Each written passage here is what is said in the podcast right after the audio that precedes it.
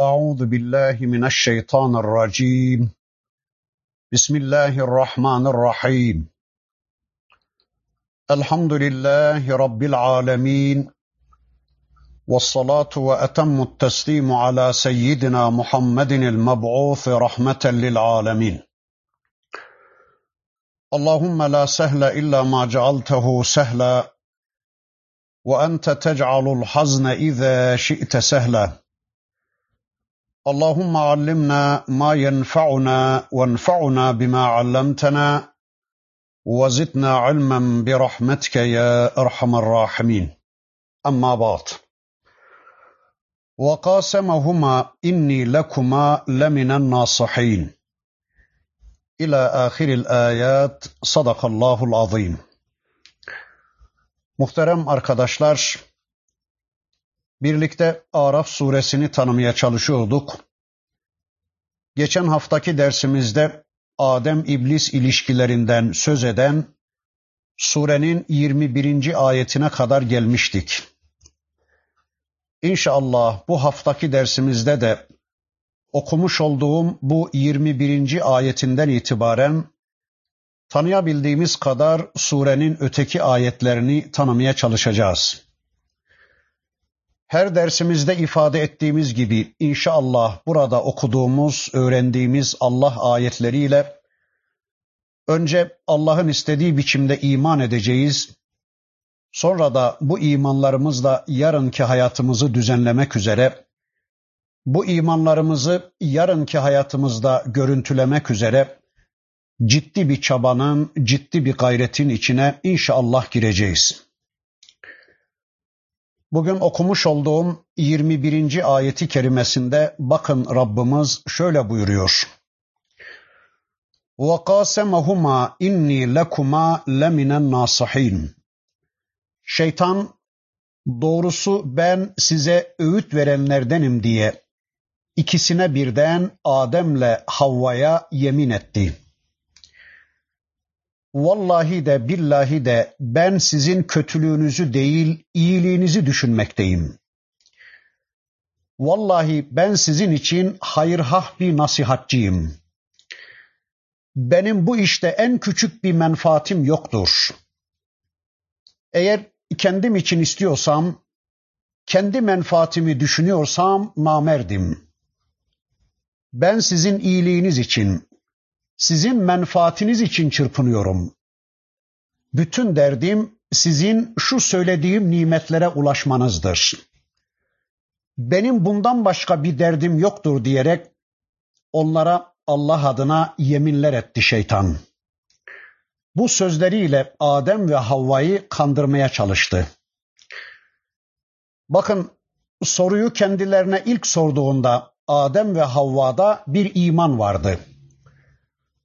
Hani şeytan onlara ey Adem ve ey Havva Allah bu ağacı size niye yasakladı biliyor musunuz dediğinde Hazreti Adem'de ve Hazreti Havva'da bir iman vardı ki o ağaçtan yenmemeliydi. Nedenini, niçinini düşünmemişlerdi bile. Çünkü yasaksa yasaktır, haramsa haramdır diyorlardı. Allah demişse ki bu yasaktır, tamam artık o yenmemeliydi. Allah demişse ki bu haramdır, tamam o haramdır. Nedenine, niçinine gerek yoktu. Çünkü Allah kullarından teslimiyet ister. Kulluğun mantığı teslimiyettir. Allah ne demişse, ne emretmiş ve neleri yasaklamışsa o konuda kullarından itirazsız teslimiyet ister. Nedenine, niçinine yönelerek yapılan kulluk Allah'ın istediği bir kulluk değildir. Mesela şu anda içki içmiyoruz. Neden? Siroz hastalığına yakalanırız diye mi? Hayır, Allah yasak kıldı diye. Domuz etini yemiyoruz. Neden? İçinde tırışın yağı var diye mi? Hayır, Allah yasak kıldı diye. Namaz kılıyoruz. Neden? Diz kireçlemelerini önlemek için mi? Hayır, Allah emrettiği için. Oruç tutuyoruz. Neden? 11 ay yorulan midelerimizi dinlendirmek için mi? Sıhhat için, perhiz için mi? Hayır, Allah emrettiği için. Değilse arkadaşlar, emir ve nehileri, tıbbi mahsurları veya bedensel faydaları mülahazasıyla icra etmek, bilelim ki esasen nefis perestliktir, menfaat perestliktir. Allah için mütedeyyin olanlarla menfaatleri için dindar olanların ayrıldıkları kesin çizgi de işte buradadır. Evet, Hazreti Adem ve Havva hiç düşünmemişlerdi bile. Yasaksa yasaktır ve bu ağaçtan yenmemeli diyorlardı o ana kadar.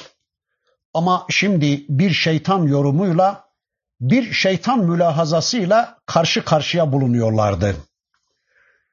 Mesela namaz konusunda insanda bir kanaat vardır ki namaz mutlaka kılınmalıdır. Nereden geldi bu kanaat?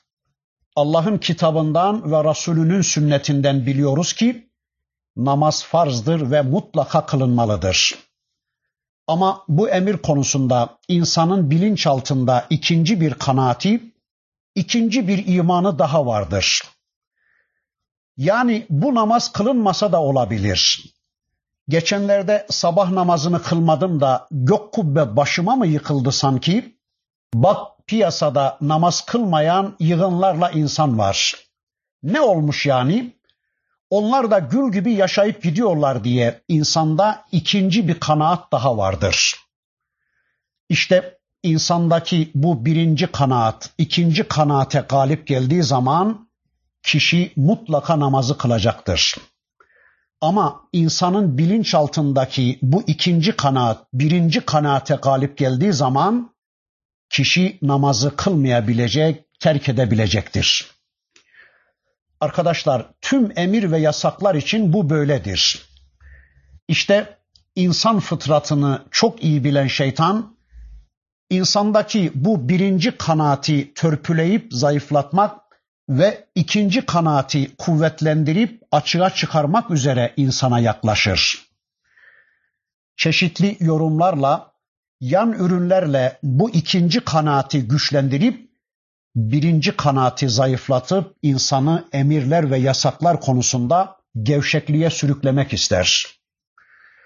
İşte Hazreti Adem'le Havva'da var olan bu ağaçtan yenmemeli şeklindeki birinci imanı birinci kanaati zayıflatıp onların bilinçaltındaki yendiği zaman da bir şey çıkmaz.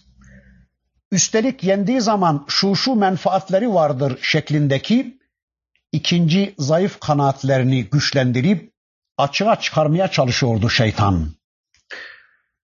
Bakıyoruz bugün de şeytan ağızlılar aynı ağzı kullanıyorlar emirler ve yasaklar konusunda insanların birinci imanlarını zayıflatıp ikinci kanaatlerini açığa çıkararak güçlendirmeye çalışıyorlar.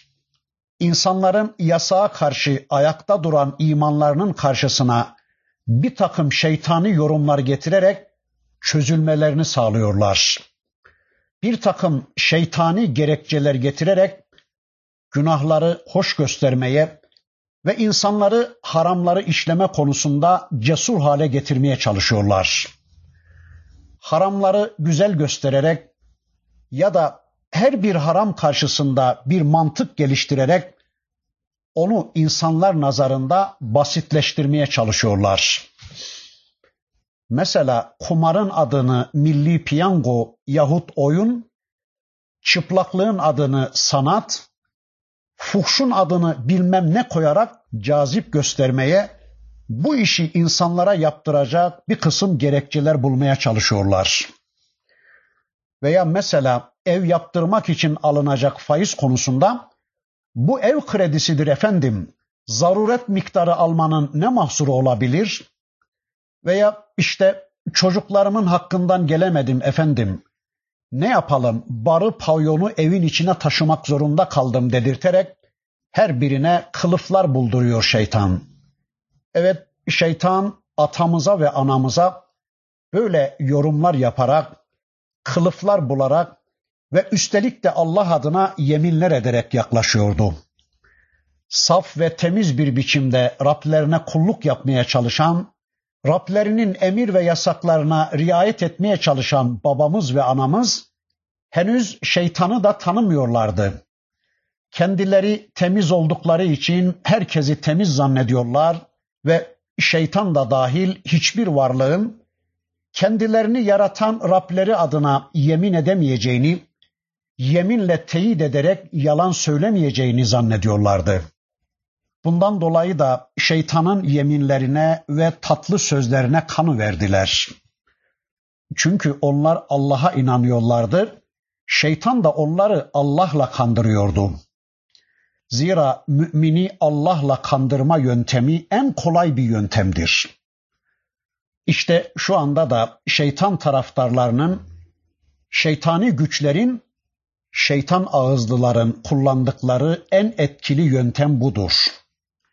Onun içindir ki hem şeytana ve hem de şeytani güçlere karşı dikkat çeken Rabbimiz Kur'an'ın pek çok yerinde bizi bu konuda ısrarla uyarır.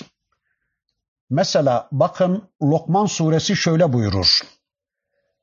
فَلَا تَغُرَّنَّكُمُ الْحَيَاةُ الدُّنْيَا وَلَا يَغُرَّنَّكُمْ بِاللّٰهِ الْغَرُورِ Dünya hayatı sakın sizi aldatmasın. Sakın Allah'ın affına güvendirerek şeytan sizi ayatmasın. Sakın ha aldatıcılar sizi Allah'la aldatmasınlar. Evet bakın Rabbimiz buyuruyor ki sakın ha ey kullarım aldatıcılar sizi Allah'la aldatmasınlar. Peki aldatıcılar Allah'la nasıl aldatırlar insanı? Allah bir şey indirmedi diye aldatırlar. Allah hayata karışmaz diye aldatırlar. Bu kadar yüce bir Allah'ın işi gücü yok da bizim pis işlerimizle mi ilgilenecek? Allah bizim hayatımıza karışmaz diye aldatırlar. Allah dünyayı yaratmış ama onunla ilgilenmek istememiştir. Öyleyse hayatı biz belirleriz diye aldatırlar. Allah'ı yanlış tanıtarak aldatırlar. Allah'ın sıfatlarını Allah dışında birilerine vererek aldatırlar. Mesela Allah kılık kıyafete karışmaz. Allah düğününüze, derneğinize karışmaz. Allah kazanmanıza, harcamanıza karışmaz. Allah mesleklerinize karışmaz. Düğün de bu kadar olur canım. Allah bu kadarına da karışacak değil ya. Evinizi nasıl döşeyeceğinize, çocuklarınızı nasıl giydirip ve ne şekilde eğiteceğinize, hangi mekteplerde okuyacağınıza, sabah kaçta kalkacağınıza, sofranızda nelerin bulunup nelerin bulunmayacağına da Allah karışacak değil ya canım diyerek Allah'la aldatırlar. Veya Allah kerim be derler. Yığınlarla günah işlesen de kendisine kulluk yapmasan da Allah kerimdir. Allah gafurur rahimdir. Hazar affedecektir diyerek aldatırlar. Veya işte Allah'ın kitabı böyle okunur diyerek aldatırlar. Anlamadan da okusan fark etmez diyerek aldatırlar. Sırf affeden ama hiç azap etmeyen, sırf cenneti olan ama asla cehennemi olmayan bir Allah tanıtarak aldatırlar. Öyle bir Allah tanıtırlar ki Kur'an'ın hiçbir yerinde olmayan bir Allah'tır bu. Kendi kafalarından şekillendirip biçimlendirdikleri bir Allah imajıyla insanları aldatırlar. Başta şeytan olmak üzere Allah'la aldatan piyasada pek çok iki ayaklı şeytanlar vardır.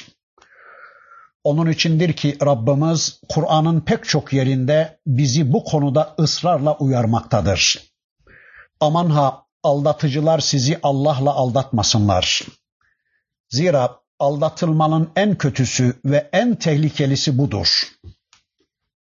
Onun içindir ki bugün piyasada Allah'tan Allah'ın dininden haberdar olup da Allah'ın dinini kazanç metağı yapanlar menfaatlerinden ötürü Allah'ın dinini yamultmaya çalışanlar, Allah'ın dinini yanlış aktaranlar, kitaba dayalı din anlatmayanlar, efsaneleri ve bir kısım kişileri kitabın önüne geçirerek din anlatmaya çalışanlar bilelim ki insanları kandırmaktadırlar, insanları aldatmaktadırlar. Sanki bu toplum peygamberi tanımış da sıra başkalarını tanımaya gelmiş gibi sanki bu ümmet kitaplarını tanımışlar da başka kitaplara sıra gelmiş gibi anlatımlarında kitaba ve sünnete yer vermeyecek kadar başka şeyler anlatmaya çalışanlar bilelim ki bu ümmeti aldatmaktadırlar, kandırmaktadırlar. Yani kimseyi itham etmek istemiyorum. Ama ne yazık ki içinde biz de olmakla beraber bu toplumu hocalar kandırmaktadır. Ya da dinden habersiz oldukları halde kitap ve sünnet bilgisinden mahrum oldukları halde din bilirmiş gibi bu toplumun önüne geçen insanlar bu toplumu kandırmaktadırlar, aldatmaktadırlar.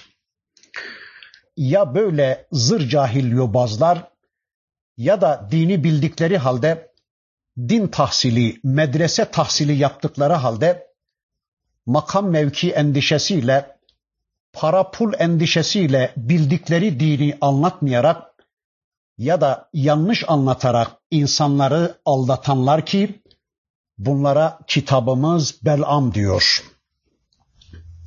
Göz diktikleri makamlara ulaşmak için, hedefledikleri ikballere kavuşmak için ya da içine gömüldükleri makamlarını, yapıştıkları koltuklarını muhafaza edebilmek için dini eğerler bükerler. Allah'ın dediklerine demedi, demediklerine dedi derler. Allah'ın ayetlerine amirlerinin, müdürlerinin, ağalarının, patronlarının, tağutlarının istediği gibi anlamlar vermeye çalışırlar. Allah'a baş kaldıran resmi ideolojilerin istekleri doğrultusunda, onların heva ve hevesleri doğrultusunda, onların sistemlerinin devamı doğrultusunda ayetleri yorumlayarak onlar hatırına müminleri kandırırlar. Tabii ki ilim ehli olduklarından, diploma sahibi olduklarından, halkın gözünde kariyer sahibi bulunduklarından Bunların insanları kandırmaları da çok kolay olmaktadır. Öyleyse yapılacak şey bizler birinci elden dinimizi öğrenmek zorundayız. Dinimizi ondan bundan değil, direkt Allah'ın kitabından ve Resulünün sünnetinden öğrenmek zorundayız. Bize Allah'ın kitabını anlatan, Resulünün sünnetini bilen temiz selefimizin ağzından dinimizi öğrenmek zorundayız. Değilse bakın atamız Adem ve anamız Havva bile böyle Allah adına kendilerine yaklaşan, Allah adına yeminler eden bu Allah düşmanına aldanmaktan kurtulamıyorlardı. Öyleyse biz de bu tür aldanmalardan kurtulamayacağız demektir. Eğer dinimizi iyi bilirsek, kitabımızı ve onun pratiği olan peygamberimizin sünnetini iyi bilirsek o zaman bize din duyurmaya çalışan ve Allah adına yeminler söyleyerek bize yaklaşmaya çalışanların sözlerini vururuz kitaba, vururuz sünnete. Eğer saf altınsa, sahte para değilse, doğruysa, uygunsa alırız, değilse reddeder ve dinimizi kurtarmış oluruz.'' Kim söylerse söylesin, isterse insanların en alim bildikleri de söylese, o zaman hiç fark etmeyecek. Kitaba ve sünnete uygunsa alırız, kitaba ve sünnete aykırıysa reddederiz, olur biter. Bizim kendilerini örnek alacağımız seleflerimizden birisi, bakın bu konuda gerçekten bize örnek olacak çok hoş bir söz söyler. Seleflerimizden İmam Malik Resulullah Efendimizin mübarek kabrinin başında durur ve der ki işte şurada yatan zat var ya bu zatın dışındaki insanlardan her ne sadır olmuşsa bunlar alınır da atılır da. Kabul de edilir, red de edilir. Ama sözleri reddedilmeyecek bir tek zat var. O da işte burada yatandır der. Ne hoş bir söz değil mi? İşte kitap ve sünnet bilgisine sahip gerçekten örnek alınacak bir insanın sözü. Öyleyse hiçbir zaman birileri Allah adına, din adına bir şeyler söyledi diye bunu bu zat söylediğine göre öyleyse vardır bir hikmeti diyerek onu alıp kabul etmeyeceğiz. Olur olmaz kitaplardan mesela takvim yapraklarından din öğrenmeye kalkışmayacağız. Dinimizi menkıbelerden, menkıbe kitaplarından almaya kalkışmayacağız. İnsanlara hiçbir sorumluluk yüklemeyen, sadece hoş hikayelerle filanların falanların sergüzeşli hayatlarıyla imanımızı, itikadımızı oluşturmaya kalkışmayacağız. Çünkü bu tür şeylerle uğraşan insanların imanları, itikatları Allah korusun bunlarla oluşmaya başlayıveriyor.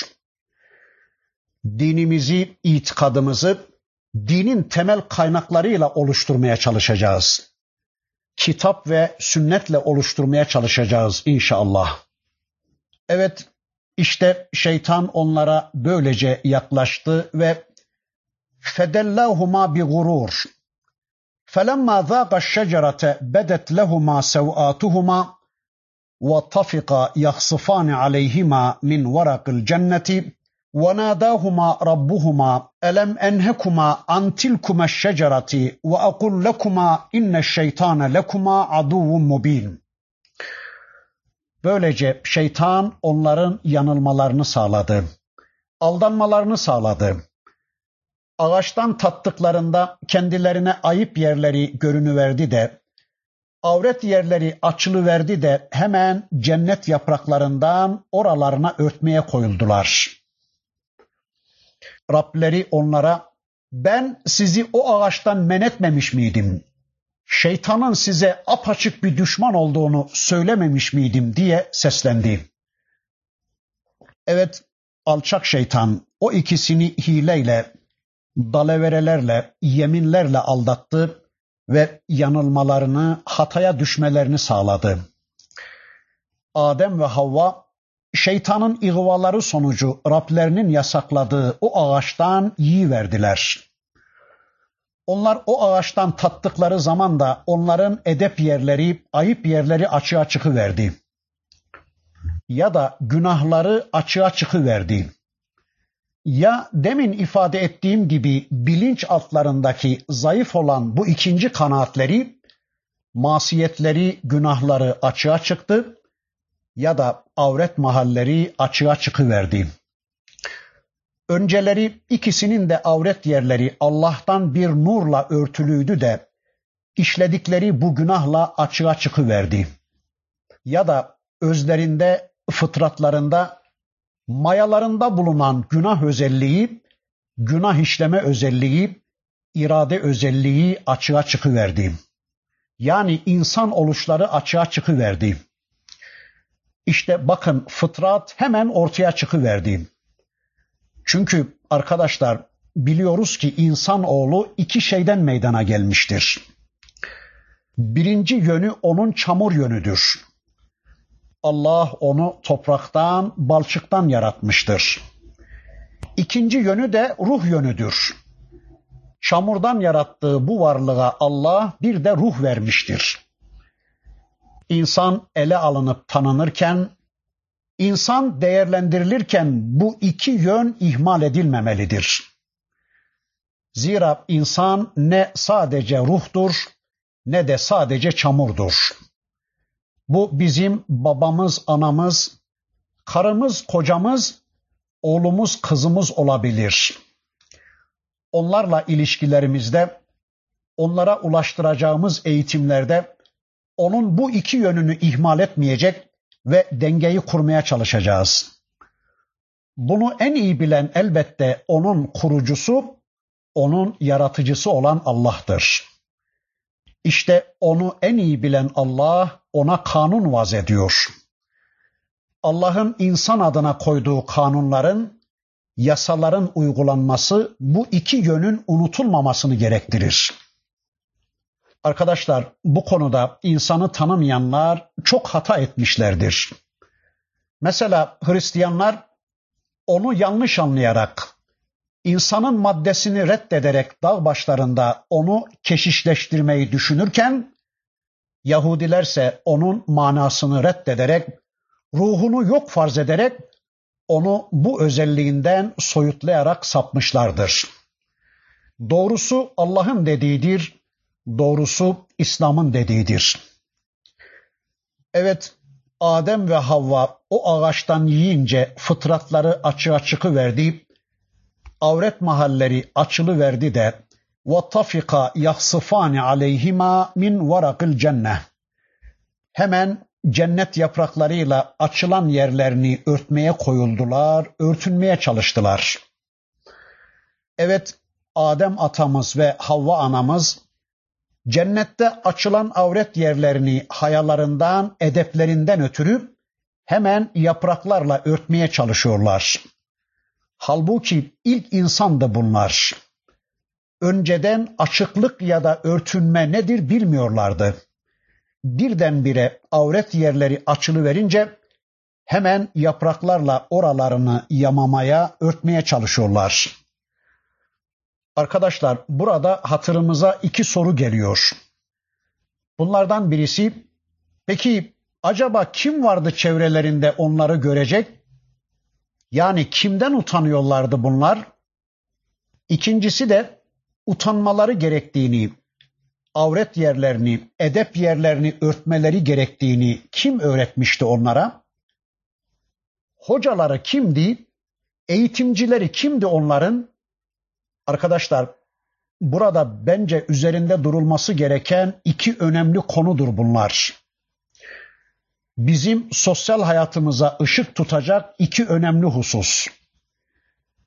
Evet, cennette sadece iki insan var.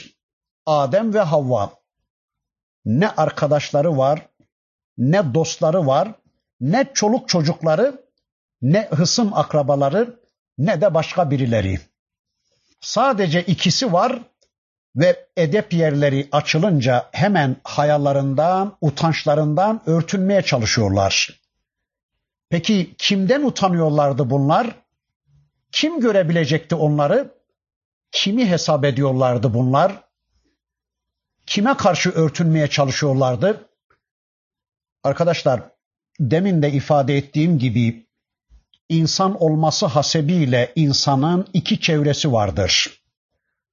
Maddi çevresi ve manevi çevresi.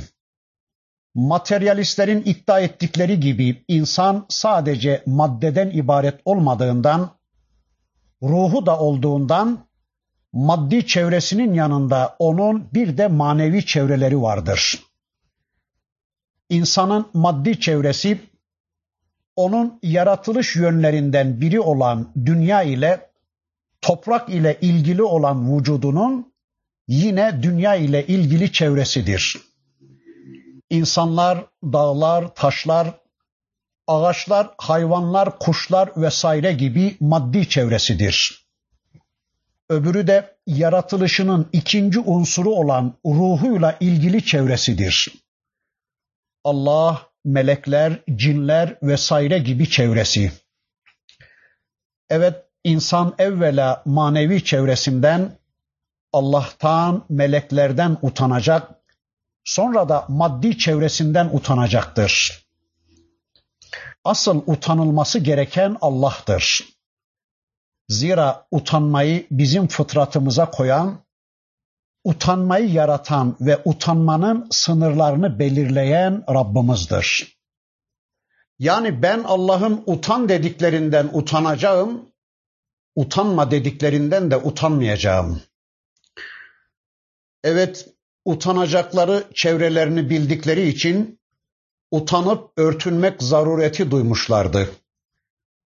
Peki acaba bu çevrelerine karşı utanmaları gerektiğini kim söylemişti onlara? Hocaları kimdi onların? Kimden eğitim almışlardı ve nereden bilmişlerdi örtünmeleri gerektiğini? Hani günümüzde kimi kafirler derler ki efendim insanlara çevreleri tarafından böyle bir eğitim verildiği için insanlar örtünmektedirler. Eğer bir kadına babası, kocası ve çevresi tarafından böyle bir eğitim verilmese hiçbir kadın örtünmeyecektir. Babaları, kocaları ve çevreleri zorladığı için kadınlar örtünmektedirler. Onlara böyle bir telkin, böyle bir eğitim verilmese hiçbir kadın örtünmez filan diyorlar. Peki sormak lazım bu kafirlere. Acaba Adem'le Havva'nın babaları kimdi ki onları zorlamıştı? Hocaları kimdi ki onlara böyle bir eğitim ulaştırmıştı? Çevrelerinde kim vardı ki onlara böyle bir eğitim ulaştırmıştı? Kim söylemişti bunlara örtünmeleri gerektiğini? Bakın görüyoruz ki Adem ve Havva kimse kendilerini zorlamadığı halde hiç kimse kendilerine böyle bir eğitim ulaştırmadığı halde fıtratlarındaki bu duygudan dolayı örtünmek zorunda kalıyorlardı. Demek ki her insan doğuştan örtünme hissine sahiptir. İnsanın mayasında vardır bu Fıtratı bozulmamış herkes örtünmek zorundadır. Dünyanın en fahişe bir kadınını bile getirip insanların gözleri önünde soymaya kalkışsanız o bile mutlaka utanacak, huzursuz olacaktır. Çünkü örtünmek fıtridir, utanmak fıtridir. Rabbimiz bu duyguyu bizim mayamızın içine koymuştur. وَنَادَاهُمَا رَبُّهُمَا أَلَمْ أَنْهَكُمَا عَنْ تِلْكُمَا الشَّجَرَةِ وَأَقُلْ لَكُمَا إِنَّ الشَّيْطَانَ لَكُمَا عَدُوٌ مُبِينٌ Rableri onlara ben sizi o ağaçtan men etmemiş miydim? Şeytanın size apaçık bir düşman olduğunu söylememiş miydim diye seslendi. Bir an uyu verdiler şeytana. Çünkü yeminler üstüne yeminler etmişti alçak. Ben size nasihatçıyım diye. Aldandılar bu yeminlere. Çünkü zannediyorlardı ki Allah adına yemin eden herkes doğru söylemektedir. Evet aldandılar işte. Neden nedenini bilmiyoruz. Neden Hazreti Ali Efendimizle Ayşe annemiz karşı karşıya geldiler? Neden Hazreti Ali Efendimizle Hazreti Muaviye karşı karşıya geldiler? Neden dün çok müttaki olan insanlar bugün bozuluyorlar? Neden günahlar dev adımlarla yayılıyor toplumda? Neden, neden?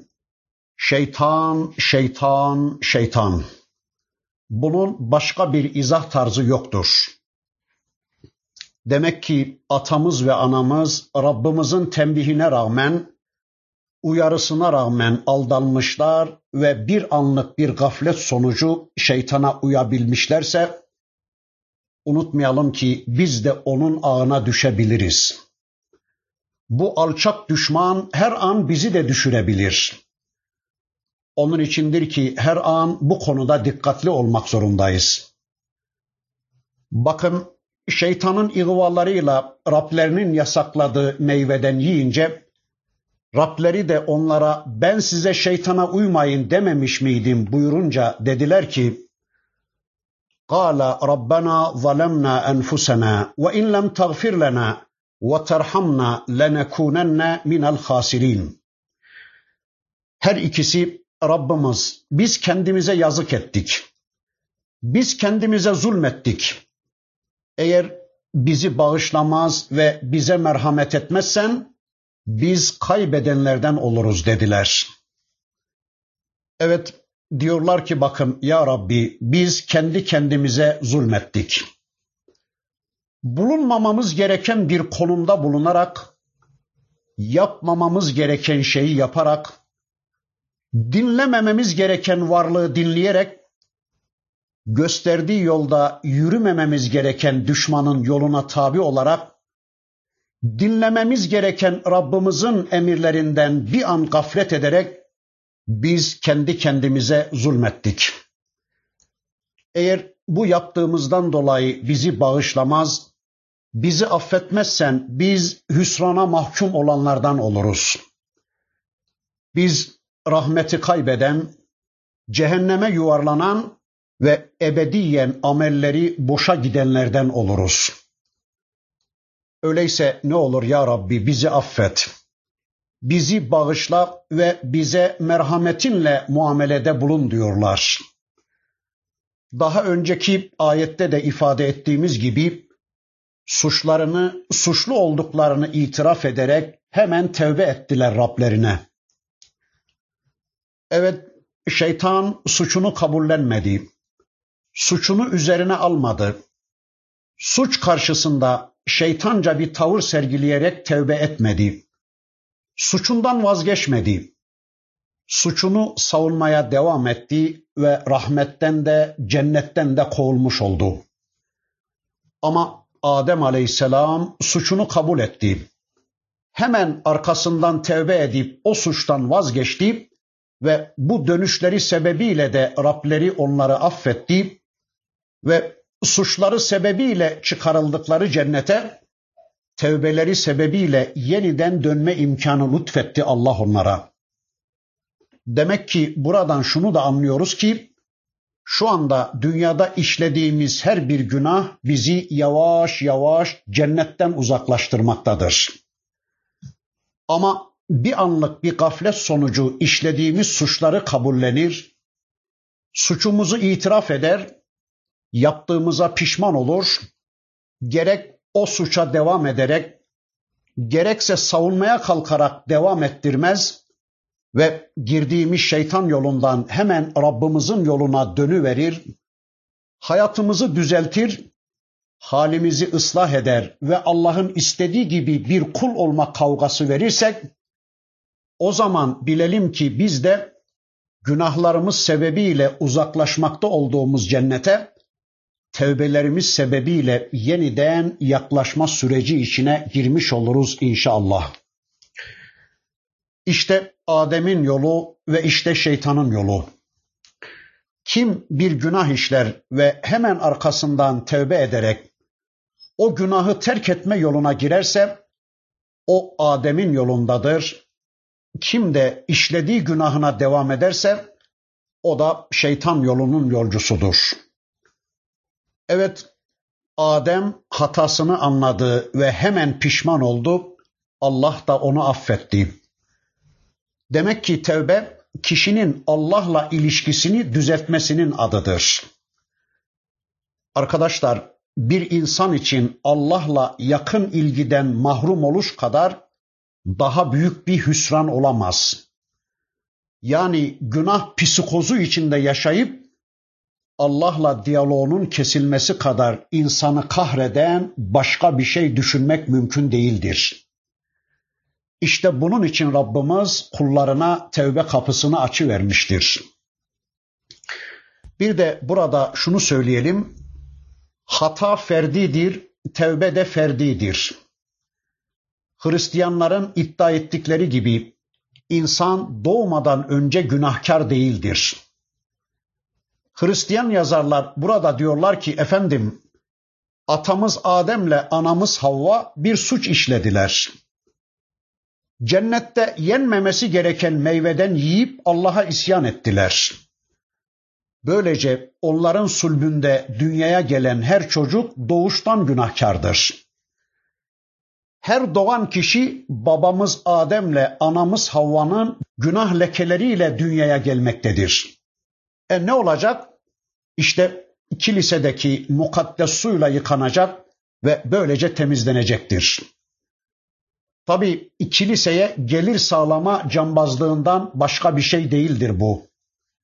Çünkü bakın En'am suresinde Rabbimiz buyurur ki وَلَا تَكْسِبُ كُلُّ نَفْسٍ اِلَّا عَلَيْهَا وَلَا تَزِرُ وَازِرَةٌ وِزْرَ اُخْرَى Herkesin kazandığı ancak kendi boynunadır.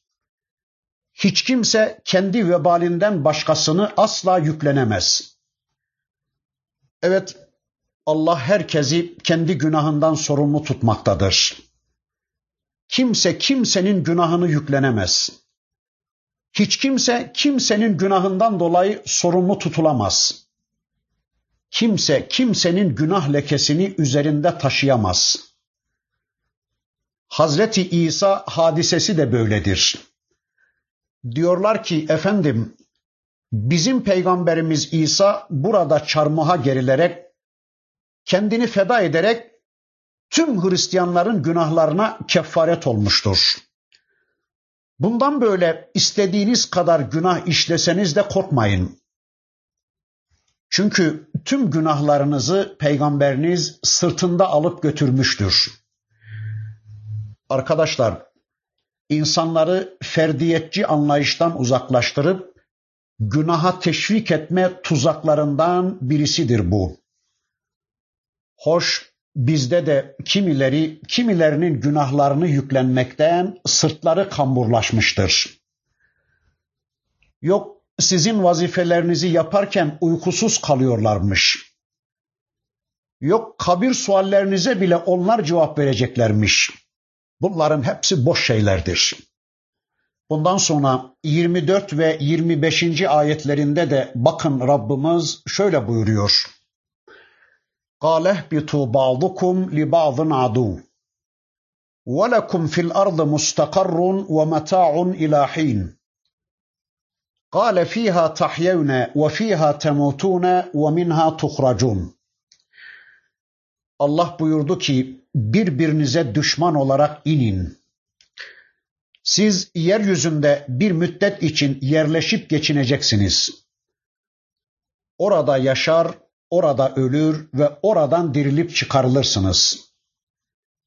Evet, bundan sonra bakın Rabbimiz buyurdu ki, inin birbirinize düşman olarak. Sizin için orada yeryüzünde belli bir süre geçimlik vardır. Orada belli bir vakte kadar yaşayacak ve geçimlik temin edeceksiniz. İşte yaşıyoruz bu hayatı. Herkes için ayrı mesken var. Herkes için ayrı mülkler var. Herkesin ayrı ayrı yerleri, yurtları vardır. Bir de herkesin ayrı ayrı ömürleri, zamanları vardır. Arkadaşlar bu inin ifadesi tüm insanlar içindir. Yani bu söz sadece Adem Aleyhisselam'a değil, aynı zamanda bize de deniyor. Yani buradaki birbirinize düşman olarak inin sözünü kimileri işte Adem'le Havva'nın ve şeytanın birbirlerine düşman olacakları şeklinde anlamaya çalışmışlar. İşte kadınla erkek sürekli birbirinin düşmanıdır filan demeye çalışarak kadınla erkeği birbirlerine düşman etmeye çalışmışlarsa da bunun aslı esası yoktur. Kadın erkeğin, erkek de kadının düşmanı değildir. Bu iki varlık birbirlerine düşman olarak değil, birbirlerini tamamlamak için yaratılmış varlıklardır.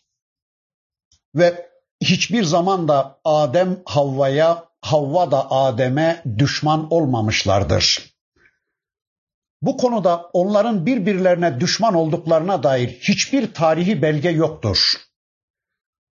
Buradaki ifade yeryüzünde Adem iblis arasında, Havva iblis arasında, mümin kafir arasında, mümin müşrik arasında sürekli düşmanlıklar olacaktır anlamınadır.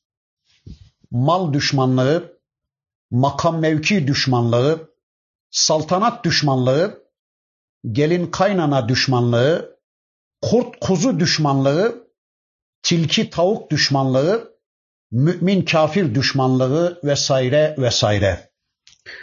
Öyleyse bu düşmanlıkları anlatma adına ve esasen bize gerçek düşmanımızı tanıtma anlamınadır. Değilse yani bunu bana ne için anlattı Allah? Benim imtihanım için anlattı elbette.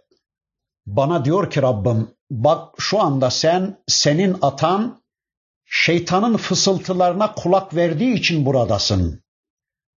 Adem böyle böyle yaptığı için sen şu anda dünyadasın. Bunu unutma.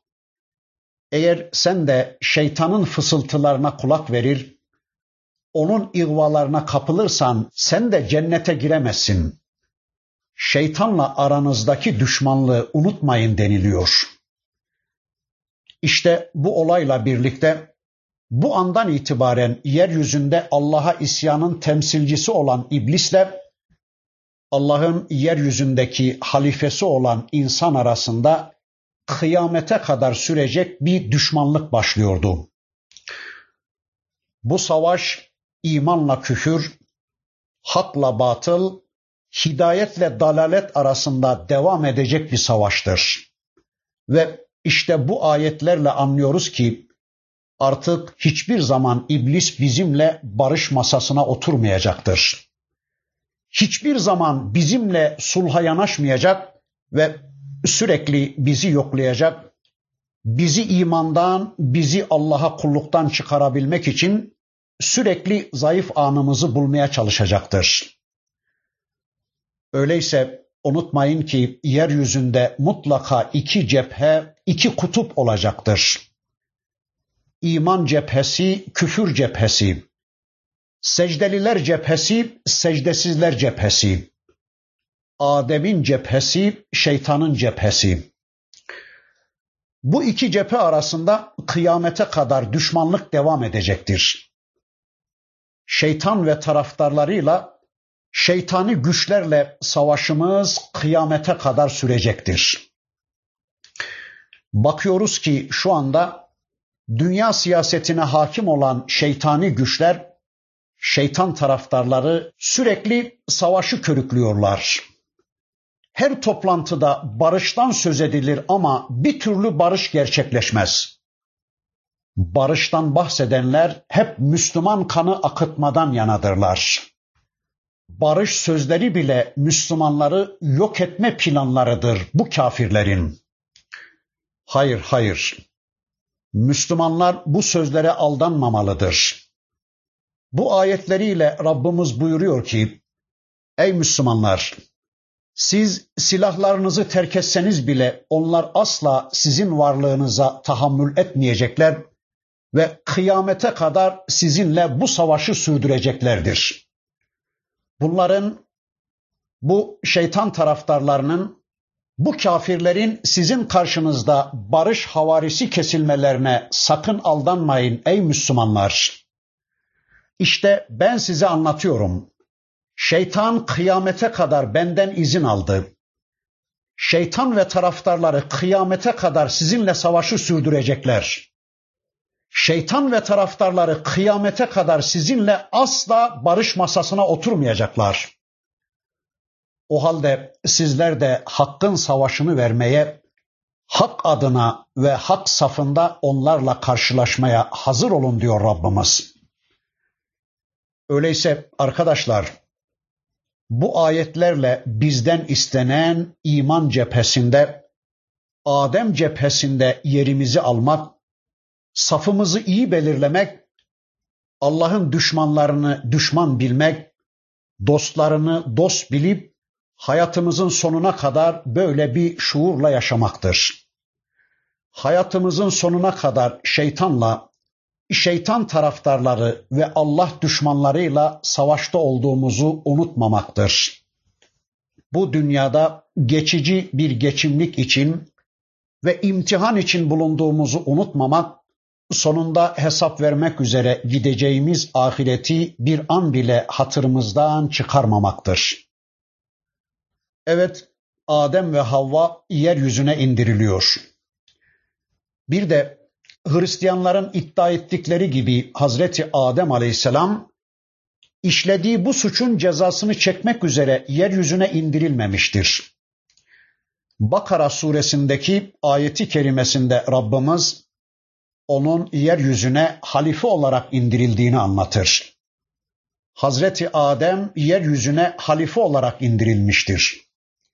Yeryüzünü idare etmek üzere, yeryüzünde Allah'ın yasasıyla bütün varlıklara hükmetmek, yeryüzünde Allah'ın egemenliğini gerçekleştirmek ve yeryüzünde efendilik yapmak, yeryüzünde Allah'ın hakimiyetini gerçekleştirmek üzere indirilmiştir. imtihan için indirildiğimiz bu yeryüzünde bizim için karar kılınacak bir yer ve belli bir yaşam süresi vardır. Yani elimizde olmadan getirildiğimiz bu hayatta bizim her birerimiz için takdir edilmiş bir zaman ve mekan dilimi vardır. İşte bu zaman ve mekan diliminin kesiştiği noktayı biz bizi buraya getirene kullukla doldurmak zorundayız. Yani bu hayatı onu bize lütfeden varlık adına yaşamak zorundayız. Çünkü bakın Rabbimiz diyor ki orada yaşayacak, hayatınızı orada sürdürecek, orada ölecek ve oradan çıkarılacaksınız. Orada size tanınan zaman ve mekan içinde yaptıklarınızın tümünün hesabını vermek üzere Rabbinizin huzuruna getirileceksiniz. İşte hayatınızı yaşarken bunu bir an bile hatırınızdan çıkarmamanız gerekmektedir. Ve bundan sonra da şeytanın insana yaklaşabileceği noktaları anlatarak Rabbimiz şöyle buyurur. Sanki atamızın başından geçenleri anlattıktan sonra bundan bizim alabileceğimiz dersleri anlatıyor Rabbimiz. Şu anda da bizim karşımızda duran ve tıpkı atamıza yaptıklarını bize de yapmak için fırsat kollayan şeytanın hilelerine bizim dikkatimizi çekiyor Rabbimiz. Yani tabiri caizse şeytanın stratejileri konusunda bize bilgi vererek onun olası hücumlarına karşı açıklarımızı kapatmamızı istiyor Allah. Bakın ne diyor? Ya beni Adem, kad enzelna aleykum libasen yuvari sevatikum ve rişa. Ve libasu takva zalike hayr. Zalike min ayatillahi leallehum yezekkerun. Ey insanoğulları! Ayıp yerlerinizi örtecek giyimlikler, elbiseler ve sizi süsleyecek rişa gönderdik. Allah'ın bu ayetleri öğüt almanız içindir. Evet Rabbimiz şeytanın bize en çok yaklaşma noktasına parmak basıyor ve diyor ki, Ey atalarının başına gelenleri öğrenen ve düşmanlarını tanıyan Adem oğulları size ayıp yerlerinizi örtecek, sizi süsleyecek, sizin için zinet olacak bir elbise ve rişa gönderdik. Ama bilesiniz ki takva elbisesi bunlardan daha hayırlıdır. İşte bunlar Rabbinizin ayetleridir. Umulur ki öğüt alırsınız. Arkadaşlar ayeti kerimede dikkat ederseniz üç elbiseden bahsediliyor. Bunlardan birincisi üzerinizi örtecek, sizin ayıp yerlerinizi örtecek bir elbise. İkincisi rişa, üçüncüsü de takva elbisesidir. Önce bir elbiseden söz etti Rabbimiz. Vücutlarımızı örtecek, bizi soğuktan, sıcaktan ve dış etkenlerden koruyacak biyolojik bir ihtiyaç veya fiziksel bir gereksinim olarak üzerimize giydiğimiz bir elbise. Sonra bir de rişa dedi Rabbimiz. Bu rişa ya kişilerin konumları, makamları ve sosyal statüleri gereği giydikleri elbisedir. İşte kompradorların, kralların, binbaşının, yüzbaşının vesaire giydikleri özel elbiselerdir, üniformalardır denmiş. Ya da birinci elbise içe giyilen elbisedir. Bu ikinci elbise de dışa giyilen elbisedir denmiş. Sonra bir üçüncü elbise olarak takva elbisesinden söz etti Rabbimiz. Buyurdu ki bakın takva elbisesi en hayırlısıdır takva elbisesi bunlardan daha hayırlıdır. Arkadaşlar bunu nasıl anlayacağız? Takva elbisesi giyinişteki niyeti anlatır. Yani elbiseyi niçin giyeceğiz? Sadece biyolojik bir ihtiyaç ya da fiziksel bir gereksinim olarak mı o tip bir elbise bize yakışıyor diye mi? Onun içinde daha güzel görünüyoruz diye mi? Yani ne için giyilecek elbise? Ya da adetler böyle istiyor. Toplum bundan razıdır diye mi? Hayır. Bunların hiçbirisi takva elbisesi değildir. Bunların hiçbirisi takvaya götürücü elbise değildir. Bu niyetlerle giyinişlerin hiçbirisi takva giyinişi, bu elbiselerin hiçbirisi takva elbisesi değildir. Elbise takvaya götürücü olacak. Elbise Allah'tan ittika adına Allah öylece giyinmemizi istedi diye Allah böylece giyinmemizden razıdır diye giyinilen elbise takva elbisesidir ve bu niyetle giyiniş de takva giyinişidir. İçinde bulunduğu aile, içinde yaşadığı toplum böyle istiyor diye giyinen, sonra o aileyi, o toplumu değiştirdiği zaman da farklı giyinen kişi müttaki değildir ve onun örtünmesi de takvaya dayanan bir örtünme değildir. Bundan dolayıdır ki içinde bulunduğu toplumun baskısıyla örtünen bir kişi bu amelinin mükafatını da göremeyecektir. Çünkü arkadaşlar bir amelin yaptırıcısı Allah değilse bilelim ki o amel boştur. Zaten toplumun baskısıyla örtünme sürekli de olamaz. Söz konusu bu dış baskı biter bitmez örtünme de bitecektir. Bilhassa Suudi Arabistan vatandaşlarının ülkelerini terk etmek üzere uçağa bindikleri andan itibaren hemen başlarının açıldığını çoğunuz görmüşsünüzdür. İşte kanun baskısı, çevre baskısı buraya kadar dayanacaktır. Bu baskının yok olmasıyla örtünme de bitecektir.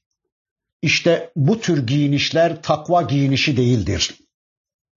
Hani bir hadislerinde Allah'ın Resulü La'anallahul kasiyatul ariyat Allah kapalı oldukları halde çıplak gezen kadınlara lanet etmiştir buyuruyordu. Peki ne anlayacağız bundan? Yani hem kapalı hem çıplak. Bir adam ya kapalıdır ya da çıplaktır. Yani nasıl anlayacağız bu kapalı oldukları halde çıplak gezenler hadisini? Arkadaşlar anlayabildiğimiz kadarıyla bunun birinci manası eğer bir insan üzerine çok şeffaf, çok dar, dışarıdan bakıldığı zaman sanki tüm vücut hatlarını belli edecek bir elbise giyinmişse işte bu kişi kapalı olduğu halde çıplak gezen birisidir ve Allah o kişiye lanet etmektedir. Öyleyse elbiseyi örtünmeyi emreden ve onun sınırlarını da belirleyen Allah'ın istediği biçimde giyinmek zorundayız. Sadece kadınlar değil, erkekler olarak biz de Allah'ın istediği biçimde giyinip giyinmediğimize dikkat etmek zorundayız. Bu konuda nedense hep kadınlara yüklenilir. Peki erkekler için tesettür yok mudur? Elbette vardır. O halde düşünelim. Acaba şu bizim üzerimizdekiler Allah'ın istediği elbiseler mi?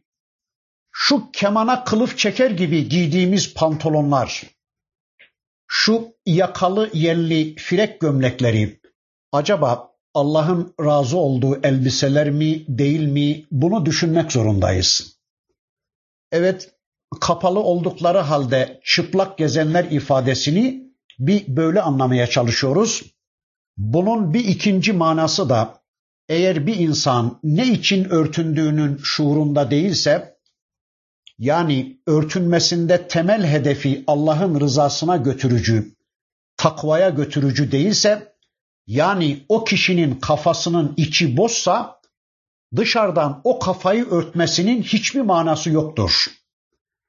Yani adamın kalbinin içi boşsa dışarıdan o başı, o bedeni örtmesinin hiçbir manası olmayacaktır. Allah'ın örtünme emrinden habersiz, Nisa'daki, Ahzab'daki, Nur suresindeki tesettür ayetlerinden habersiz, kalbi ve kafasının içi bomboş ama çevresinin zorlamasıyla ya da işte adet kabilinden başını ve vücudunu örten birisi kapalı olduğu halde çıplak gezen birisidir. Bunun anlayabildiğimiz bir üçüncü manasını da söyleyelim inşallah. Arkadaşlar bir de Allah toplum içinde kadına da erkeğe de ayrı ayrı roller yüklemiştir. Kadın ya da erkek eğer Allah'ın kendisine yüklemediği bir rolü üstlenmiş veya Allah'ın kendisini görmek istemediği bir konumda, bir makamda boy göstermeye başlamışsa işte bu kişi kapalı olduğu halde açık gezen kişidir ve Allah'ın lanetine hak kazanmıştır. Bir kadın veya bir erkek Allah'ın kendisini görmek istemediği bir ortamda bulunuyor, Allah'ın kendisine yüklemediği bir rolü oynamaya kalkışıyorsa bilelim ki bu kişi kapalı olduğu halde çıplak durumunda olan bir kişidir. Mesela Fatıma anamız kadar tepeden tırnağa örtülü bir kadın düşünün. Bu kadın Allah'ın kendisini görmek istemediği bir konumda bulunur. Mesela bir erkeğin sekreteri olarak onunla baş başa bir ortamda bulunuyorsa böylece Allah'ın kendisine yüklemediği bir rolü oynamaya çalışıyorsa bilelim ki bu kadın kapalı olduğu halde açık gezen ve Allah'ın lanetine maruz kalmış bir kadındır. Evet, kadınlarımız da erkeklerimiz de takvaya götürücü olarak giyinmek zorundayız. Allah emretti diye ve Allah'ın emrettiği biçimde örtünmek zorundayız. Çünkü Rabbimiz bu kitabında ve Resulullah Efendimiz de hadislerinde ve bizzat hayatında örtünmenin pratiğini bize göstermiştir. Ayetlerde belki genel anlamıyla anlatılan örtünme konusu ayrıntılarıyla Resulullah Efendimizin hadislerinde ortaya konulmuştur. O halde bu konuda temel kriter Allah'ın kitabı ve onun pratiği mahiyetindeki Resulullah'ın sünnetidir. Bir de Allah'ın istediği kulluğun en güzel biçimde örneklendiği sahabe uygulamaları bizim için en güzel ve vazgeçilmez örnektir. O halde bu konuda her konuda Kur'an'da gördüğümüz genel ifadeleri Resulullah Efendimizin beyanları ve sahabenin tatbikatıyla birlikte anlamaya çalışacağız ki herhangi bir yanlış anlamaya ve hataya düşmeyelim. Bunun dışında indiği kanaatlere, yüzeysel görüşlere, kafir dünya karşısında düşülen aşağılık duygusu sonucu verilen fetvalara da asla itibar etmemeliyiz diyelim ve bu haftalık da burada kalalım inşallah. Surenin öteki ayetlerini tanımak için gelecek hafta tekrar bir araya gelmek üzere Allah'a emanet olun. Subhaneke Allahumma ve bihamdik. Eşhedü en la ilahe illa ente. Estağfiruke ve etubu ileyk.